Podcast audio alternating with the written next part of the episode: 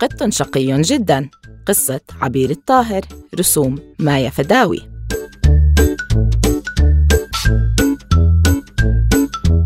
وهكذا بدأت القصة. في يوم وجد رجل عجوز أمام بيته قطا يموع. مسكين يبدو ضائعا وجائعا. حمل العجوز القط إلى بيته وصار القط والعجوز صديقان لا يفترقان. يشاهدان التلفاز معا.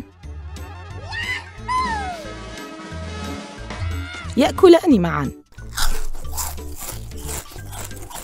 وينامان في سرير واحد.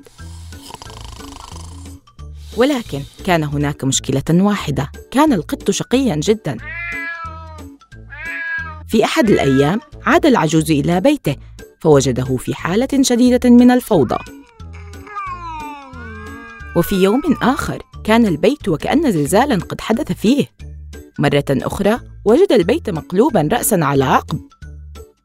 ثم صرخ الرجل العجوز كفى!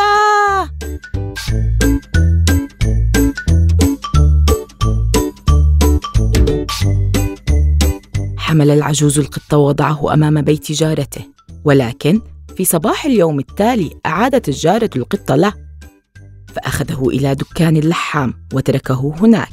ولكن مفاجأة وجد العجوز القط أمام بيته. قرر الرجل أن يأخذ القط إلى مكان بعيد جدا فأخذه وتركه هناك. ويا للمفاجأة غضب العجوز غضبا شديدا وقال سأخذك إلى أبعد مكان في العالم.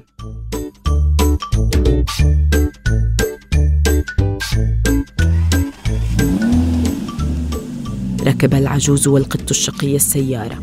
سارت السيارة سارت وسارت ثم ركب العجوز والقط الشقي القطار. سار القطار وسار وسار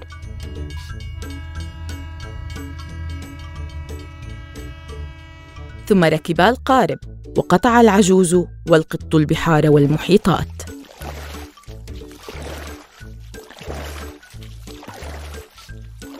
وأخيرا وصل العجوز والقط أبعد مكان في الكرة الأرضية وترك القط هناك. مشى العجوز قليلا توقف نظر إلى الخلف ثم عاد. ركض مسرعا حمل صديقه القط وضمه وقال لنعد إلى بيتنا. ولكن كانت هناك مشكلة واحدة نسي العجوز الطريق إلى البيت.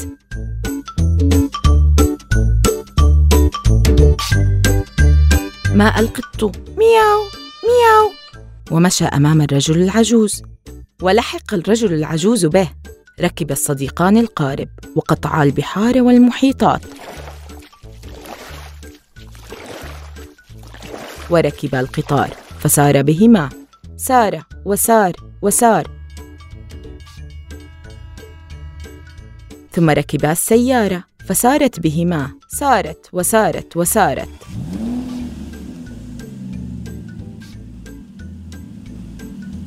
حتى وصلا أخيرا إلى البيت ومنذ ذلك الوقت والرجل والعجوز والقط صديقان لا يفترقان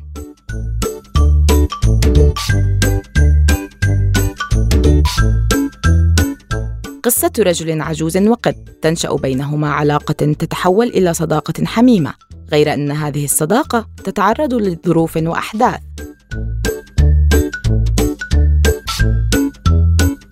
فهل تدوم هذه الصداقة؟ قصة تتحدث عن الشعور بالوحدة، الصداقة والإخلاص وتقبل الآخرين. قصة مليئة بالمواقف الطريفة، مفعمة بالمشاعر الدافئة. دار الياسمين هي دار نشر كتب أطفال باللغة العربية في عمان الأردن.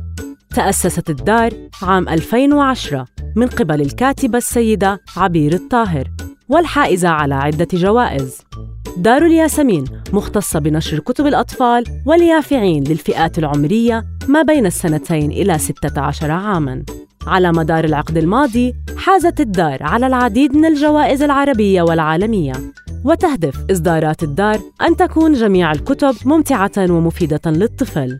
وحالياً يوجد أكثر من 55 كتاباً في تعليم الصغار واليافعين القراءة باللغة العربية. وأيضاً يوجد عدة كتب ترجمت إلى اللغة الإنجليزية والتركية.